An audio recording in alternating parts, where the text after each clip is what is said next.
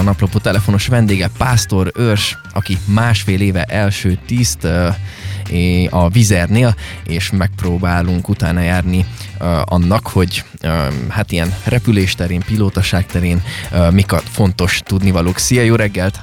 Szia, jó reggelt! Szia! Mindenkit! Na hát akkor szerintem kezdjük a, a legelején. Egy picit kérlek mesélj a kezdetekről. Hogyan alakult ez a pályaválasztás? Ugye te hat évig voltál légiutas kísérő, aztán milyen belső indítatásból szeretted volna inkább a, vezetni a gépet, hogyha fogalmazhatunk így? Hát igen, fogalmazhatunk így. Mindig is, tehát, ahogy elkezdtem dolgozni a vizérnél rá egy pár hónapra, tudtam azt, hogy, hogy ez, ez, ezt a karriert szeretném választani magamnak, és tehát ismertem, megismertem rengeteg pilótát, első tisztet ugye a cégünktől is, és mindenki bátorított erre, hogy, hogy igenis akkor próbáljam vagy magánúton ezt eljárni, ami egy kicsit nehezebb, vagy esetleg még várjak egy-két évet, mert ez ugye én 2014-ben kezdtem el dolgozni a vizérnél, és uh, tudták uh, be, úgymond egy belső információt, hogy lesz majd a vízérnek egy ilyen uh, akadémiája, ahol, ahol pilótákat uh, képeznek ki. Uh-huh. És akkor ez, ezt én ezt meg is fogadtam az ő tanácsukat, és uh, vártam is ezzel egy ilyen uh, három-négy évet, ameddig ez a, ez a program ez, ez létrejött, és uh, utána pedig a, a legelső program, amelyik megnyílt Románia fele, abba be is iratkoztam a Vizerhez, a Vizer Pilota Akadémiájához. És mit kell tudni erről a képzésről? Hány évig tart? Vannak-e fokozatok egyáltalán, és mennyi idő után szállíthat az ember utasokat? Tehát igen, ez kb. egy két éves tanfolyam, amit úgy kell elképzelni, hogy egy teljes, teljes, teljesen oda kell dedikálni magunkat. Tehát én például Nyíregyházára kellett költözzek, ez a képzés az ott volt, és uh, fokozatok vannak, mert uh, 14 uh, ATPL vizsga, tehát ez a, a légihatósági vizsgán kell átesni, ami különböző tantárgyakból meteorológia, navigáció, performance, tehát 14 különböző tantárgy, ami ilyen 3-4 hónaponként kell Budapestre elmenni a légihatósághoz vizsgázni, és akkor ezeket szép lassan, folyamatosan az ember ahogy átlépte, a 14 tantárgy kipipálásával, és emellett az iskolában 180 repülési órát kellett elvégezzünk, ami talán kevésnek hangzik, de ugye több okok miatt meteorológiai és, és stb. stb. elég, elég lassacskán gyűl egy, egy kis repülőn, ugye az, az, nem a, az még nem a nagy utasszállító. És tehát ez ez a két éves tanfolyam elvégzés után jön a típusképzés, ahol ugye, hogyha megvan a, a Commercial Pilot License, akkor vagy a Boeinghez, vagy az Airbushoz lehet szakosodni. Tehát egy típusképzés, ugye a Vizernél ez most az Airbus, és ez még egy ilyen három és, három és hat hónap között is eltarthat a típusképzés, plusz emellett még a, a tréning, mikor már az utasok a, az ember háta mögött vannak. A, hogy ha így nézzük ezt a képzést, ez pontosan mit jelent? Tehát többféle típusú repülőgépet tudsz ezzel vezetni, vagy csak egyre szakosodsz, vagy ez hogy néz ki pontosan? Tehát ez, ez úgy van, hogy ugye egy kis géppel kezdjük a, a, a, a, képzést a, a, a, az iskolában, úgymond, és tehát ez fokozatosan ahogy eléri az ember a mondjuk a 160 órát, utána egy két motoros géppel repülünk, és azon is kell egy, egy minimális óra, egy ilyen minimális 20 óra, ahhoz, hogy megkapjuk a, ezt a Commercial Pilot License-t, és ezzel utána jön ez a típus képzés, hogy vagy az Airbushoz, vagy a Boeinghez, és tehát a, ha például én az Airbusra képezem ki magam, a Boeing, a Boeing eh, gépeket nem vezethetem, tehát teljesen más a, ugye a, a a standardjuk, teljesen más a maga a pilótafülke is, és tehát az is egy külön, hogyha én el persze el tudnám végezni, ha, ha úgy dönt az ember, hogy el szeretné mind a kettőt végezni, semmi akadálya, el lehet azt is, csak az is plusz pénz, plusz idő, és, és nem egy egyszerű, egyszerű dolog, hogy mind a kettőt az ember fejben tökéletesen ott, ott legyen. Ugye te már másfél éve első tiszt vagy, melyik volt a leghosszabb utad? A leghosszabb utam, az, hát az Abu Dhabi járatunk volt, ez Kolozsváról. Ez hát nagyjából egy ilyen 5 és fél óra ö, oda, és egy ilyen kb. egy 5 óra vissza. Ez a leghosszabb útunk, ami innen Kolozsváról van. Ö, ennél hosszabb talán, hát a budapesti lenne, ugye a Budapest Abu Dhabi, vagy a Budapest Dubai uh-huh. járat. Ö, ez volt igen. És egy ilyen hosszú úton mire kell felkészülnöd előző, előzőleg, vagy a maga az út során milyen dolgokra kell jobban odafigyelned, mint egy, mint egy mondjuk, mondjuk egy rövidebb út során? Hát egy ilyen, egy ilyen hosszú út során például, ugye, hogy ahogy Dubáj fele megyünk, vannak tehát ilyen elég magas hegyeken átrepülünk, és ilyenkor mindig újra kell tervezni, hogyha egy esedékes motor leállás el, előfordul, hogy akkor mindig előre kell tervezzük egy ilyen fél óránként, hogy melyik lenne az a, az a reptér, ahova, ahova el tudnánk jutni egy egymotoros leszállással is. Tehát ebből a szempontból egy kicsit jobban oda kell ezekre figyeljünk, és persze más procedúrák is, tehát minden, minden reptérre külön fel kell készülni, Uh, ugye hát a Dubai, a Dubai is, meg az Abu Dhabi is, az, az két uh, elég nagy reptér, és uh, ez, ezért uh, egy több időigényes a felkészülés ezekre a repterekre. Volt-e nagyon rázós szituáció, vagy kérdezhetném úgy is, hogy mi volt a legrázósabb szituáció, amit átéltél a fedélzeten? Kellett-e már kényszerleszállást végrehajtanod esetleg?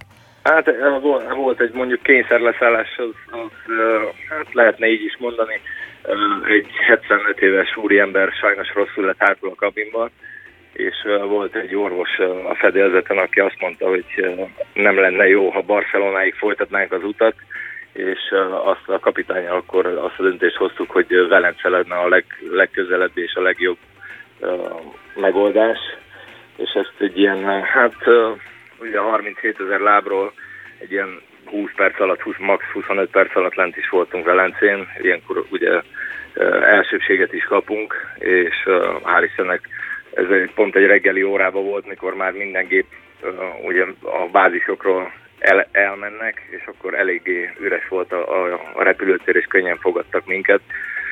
És ilyenkor leszálltunk, az úriembert várt a, a, a, ment, a mentő a társaság, és utána újra, újra tankoltunk, és folytattuk tovább az utunkat Barcelonába ez sajnos egy ilyen két órás késést okozott, de amit így, így visszagondolok, talán ez, lett, ez volt egy picit úgy, ami, a, a, hát ami nem a, a napi rendhez szokott dolog volt. Más most így, hát így hirtelen nem nagyon jut eszembe. Hát ahogy így mesélted ezt a... Ahogy így mesélted ezt a történetet, az, abban biztosak lehetünk, hogy rengeteg koncentrációt, logisztikai megoldásokat feltételez ez a szakma, és Hát még egy olyan kérdésünk is lenne, hogy létezik-e sebességkorlátozás a magasban, vagy ez hogyan működik pontosan? Mekkora sebességgel száguldotok ti ott fent? Hát mi egy, mi egy olyan 850 és 900 km, kilométer per órával is száguldozunk. Hm. Ez hátszéltől is függ, ugye.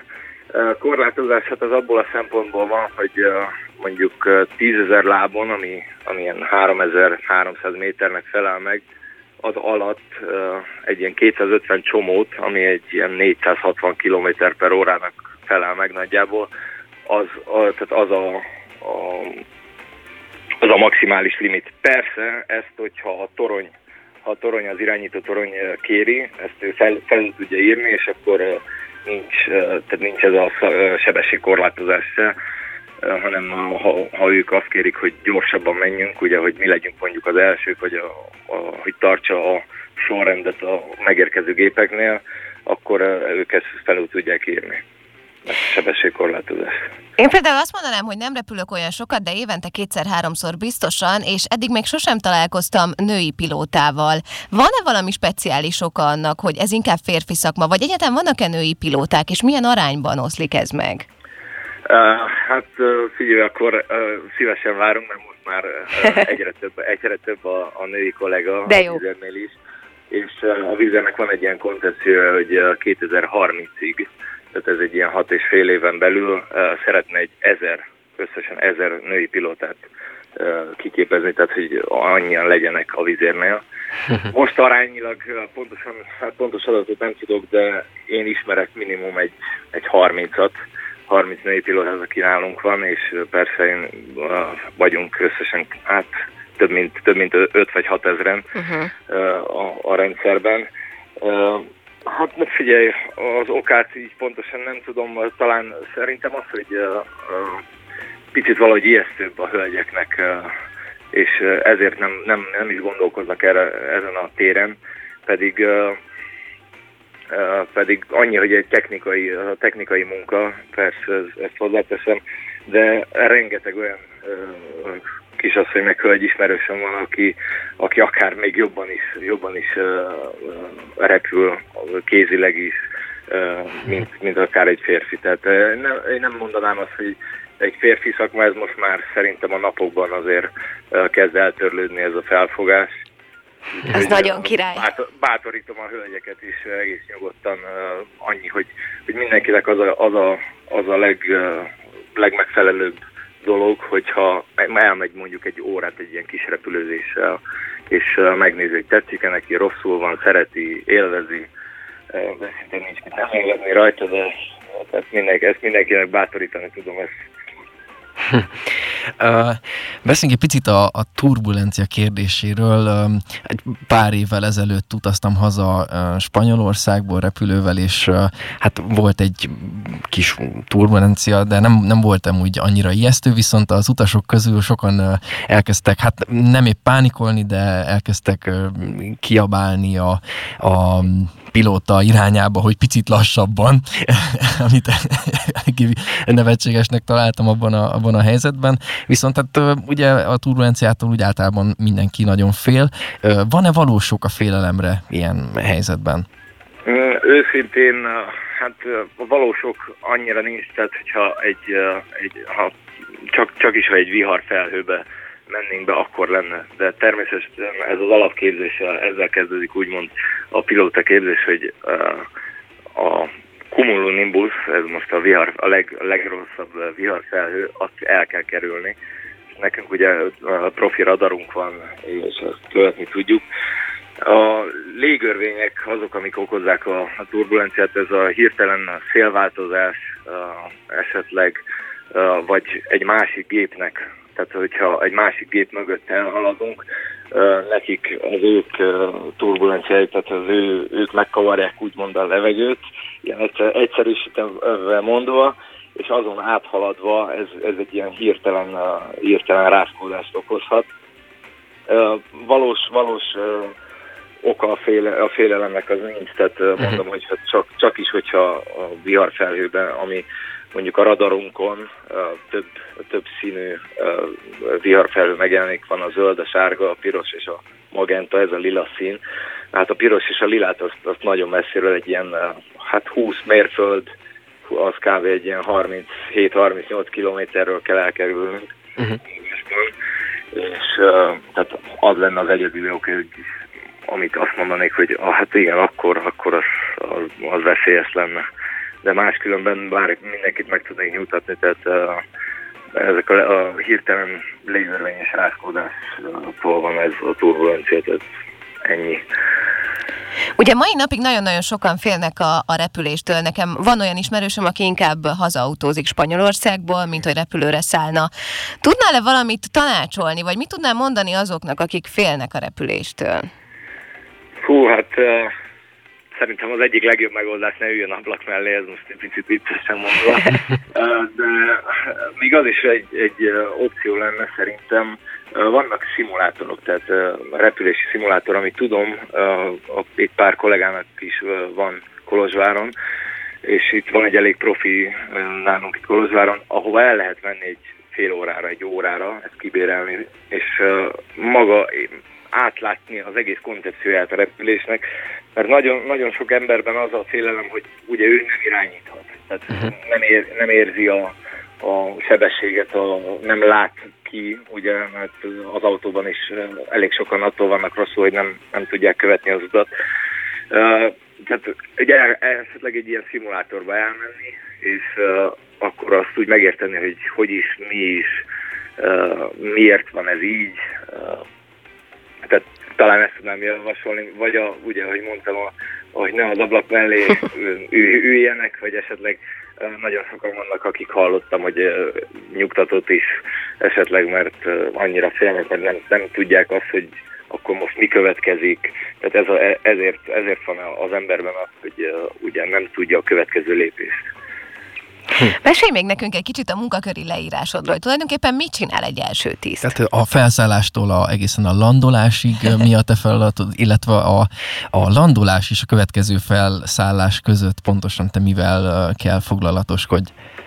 Tehát uh, ugye, nagyjából ugyanaz a, a munkaköri leírásunk, úgymond, mint a kapitánynak.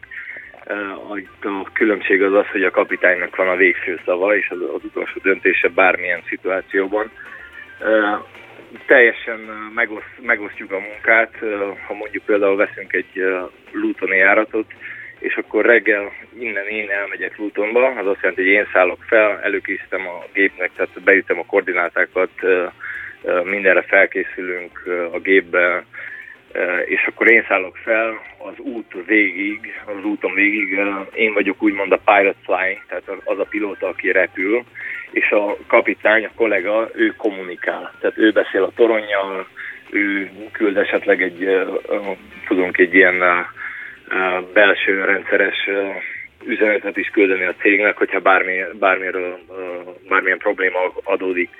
Tehát ő, ő az, aki kommunikál, és akkor én repülök, ha például a torony megkér, megkér minket, hogy akkor most ezer lábbal feljebb vagy lejjebb, akkor azt én vagyok a pilot flying, és akkor azt én én irányítom úgymond a gépet, és a leszállásnál is ugyanúgy. Ez persze attól függ, hogyha vannak, vannak persze kondíciók, ha például túl rövid a pálya, például a Dortmundi az egy 1800 méteres pálya, ott csak akkor szállhatnék én le, hogyha már van egy 1500 óra tapasztalatom. Én most 1300 óránál járok, úgyhogy addig még van egy 200 óra, de tehát különböző dolgoktól függ, de mondom, tehát az, ha hogy én oda megyek, én vagyok, a, én vagyok az irányító, úgymond, és akkor visszafele szerepcsere, leszálltam, és akkor mondjuk az én feladatom az lenne ilyenkor, hogy körbejárom a gépet, megnézem, hogy minden rendben van-e, nem ütöttünk el esetleg egy madarat, az is, az is elég gyakran előfordul,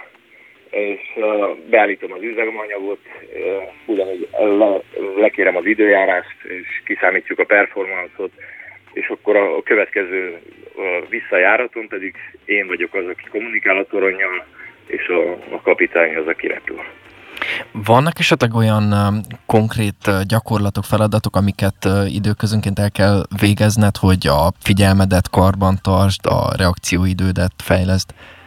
Hát ezt, ezt mindenki úgymond magán, magánúton jó, hogyha elvégzi, de azt alá, aláhúznám, hogy minden hat hónaponként járunk szimulátorozni.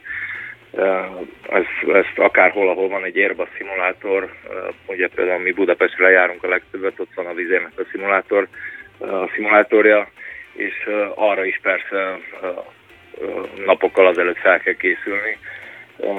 Ott, ott van az, hogy a, hát minél, minél több minél több uh, szituációt uh, simulálunk, tehát a, az egymotoros megállástól a, a, attól, hogy egy madár a motorba repül, vagy uh-huh.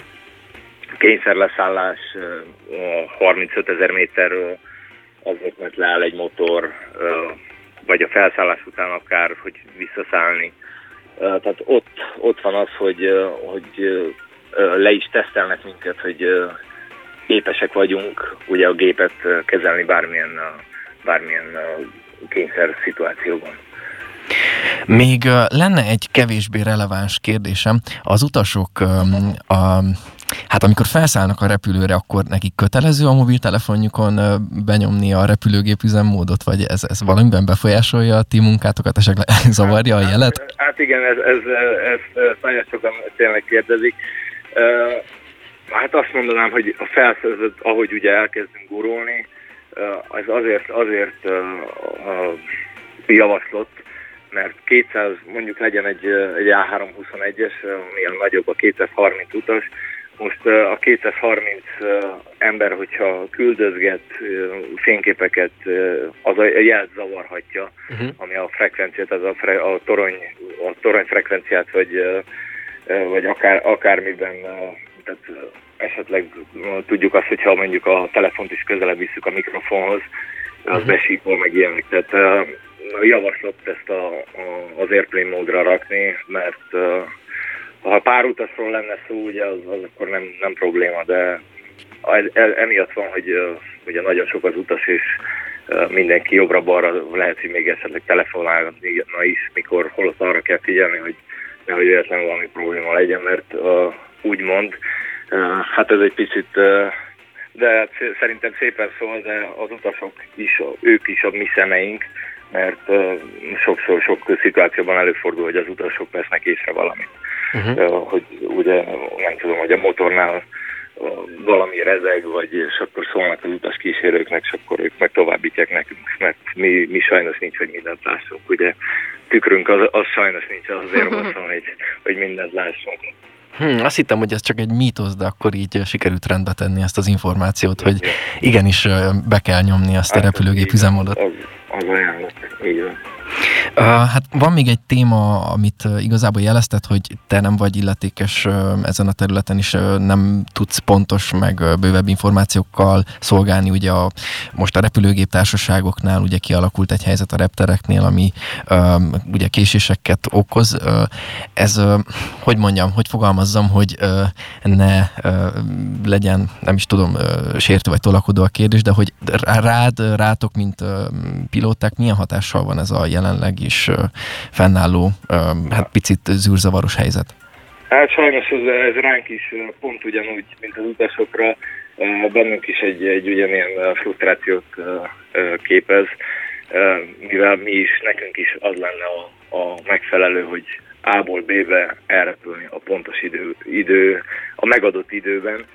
A, sajnos, amit, amit el tudnék erről mondani, az, hogy a, a az irányító tornyoknak a korlátozása ez. Vannak legtöbbször a légifolyosok annyira zsúfoltak így a Covid után. Uh-huh. Nagyon sok ugye a légitársaság, és a légifolyosok zsúfoltak, és emiatt egy úgynevezett slot, ami az azt jelenti, hogy megvan az adott időpont, hogy mikor tudunk fel, felszállni a reptérről, és ez emiatt, emiatt adódik, például most így a nyáron, hogy minél több a, a, a járatszám, volt olyan is, hogy két órát kellett várnunk a Földön ahhoz, hogy fel tudjunk szállni, mert korlátozva voltak a légifolyósok. Tehát ez, ez lenne. Nagyon sokszor megpróbáljuk még azt is, tehát ugye, ahogy mondtad, hogy a logisztikát rendezni, hogy esetleg egy új, új flight plan, tehát egy másik utat, egy útvonalat kérjünk, ami, ami persze nem a, nem a legegyszerűbb lekoordinálni, hát ezt az ember azt gondolná, hogy akkor hát Nagyvárad fele most nem balra megyek, hanem jobbra, csak így mondok egyet, tehát uh-huh. sajnos ez nem, nem olyan egyszerű, uh-huh. de ez, ez az oka, ez a, a légi folyosóknak a, az úgymond hiánya. Van még itt egy kérdés, ami például engem igazán foglalkoztat, hogy uh, ugye például Marosvásárhely Budapest között a repülési idő kb. 45 perc. Ez nagyon rövidnek számít, tehát van, hogy nincs is idő, hogy végig tolják a kis kocsit a, a, a vásárlásokkal, annyira rövid. Igen. Ezt inkább szeretitek, hogy rövid ez az idő, vagy, vagy inkább nem jó uh, ilyen, ilyen rövid időt repülni? Hát figyelj, ez is pilóta függő. Van, aki, valaki tényleg ezeket az ilyen rövid járatokat szereti, mert egy-kettő ugye az ember felszállt már készül is, hogy leszálljon, és van, aki azt szereti, hogy hát akkor én most a madridi járaton vagyok, ami három és fél órás, és akkor az nem, nem egy ilyen pörgős, pörgős járat. Én is, tehát én, nekem is abszolút semmi problémám nincs az ilyen rövidebb járatokkal. Azt kell tudni, hogy legtöbbször, ha ilyen rövid egy repülés, akkor nekünk az úgy néz ki, hogy egy négy járat van egy napban, ami mondjuk egy hm. Budapest Marosvásárhely oda-vissza, és akkor utána lenne mondjuk még egy, hát most nem tudom, hogy mihez kössem, talán egy larnak a járat, ami egy picit hosszabb, ilyen két óra, húsz perc, vagy két uh-huh. és mhm. fél óra lenne egy ciprus. Tehát nagyon ritka az például, hát innen Kolozsváról ritkán van az talán minden második héten, hogy van egy bécsi járat, ami tehát egyedüli, nincs összekötve semmilyen más nappal, és akkor az a nap az úgy néz ki, hogy délután ilyen ötszere kell bemenni repülni, és este 3 10 fele az ember vissza is ér. Tehát mi, mi is 70 perccel minden járat előtt ott vagyunk, és felkészülni a, a csapattal, uh-huh. kivenni a repülőgéphez. És tehát ez tényleg pilóta függő, mindenkinek megvan már úgy, úgymond kialakul a stílusa, hogy, hogy melyik járatokat szereti jobban. Mi most már így laikusként minden kérdést föltettünk, ami a fejünkbe megfogalmazódott, hogy érdekel minket, vagy nem vagyunk tisztában vele. Van-e még olyan kulisszatitok, amit, amit esetleg nem tudhatunk, de izgalmas, és el is mondhatod? Hát, pillanat, hogy gondolkoznak egy kicsit. Talán egy olyan, ami érdekes, hogy pár filmet is, például én is készítettem a pilóta fülkéből, ahogy elhalad egy, egy repülőgép fölöttünk, uh-huh. akkor nagyon sokan azt kérdezik, hogy hát ez mi, milyen magasan volt, uh, nagyon közelnek tűnt, hogy ez nem volt-e veszélyes. Uh, annyit kell tudni, hogy például mikor nyugat fele haladunk, akkor a, a, a, az utazási magasság az a plusz, tehát ahogy is a, a 36 ezer lábon mondjuk haladunk nyugat fele, tehát ezek a, a nem jut eszembe úgy hirtelen, az uh, even numbers, uh-huh. aki segítettek. Tehát a,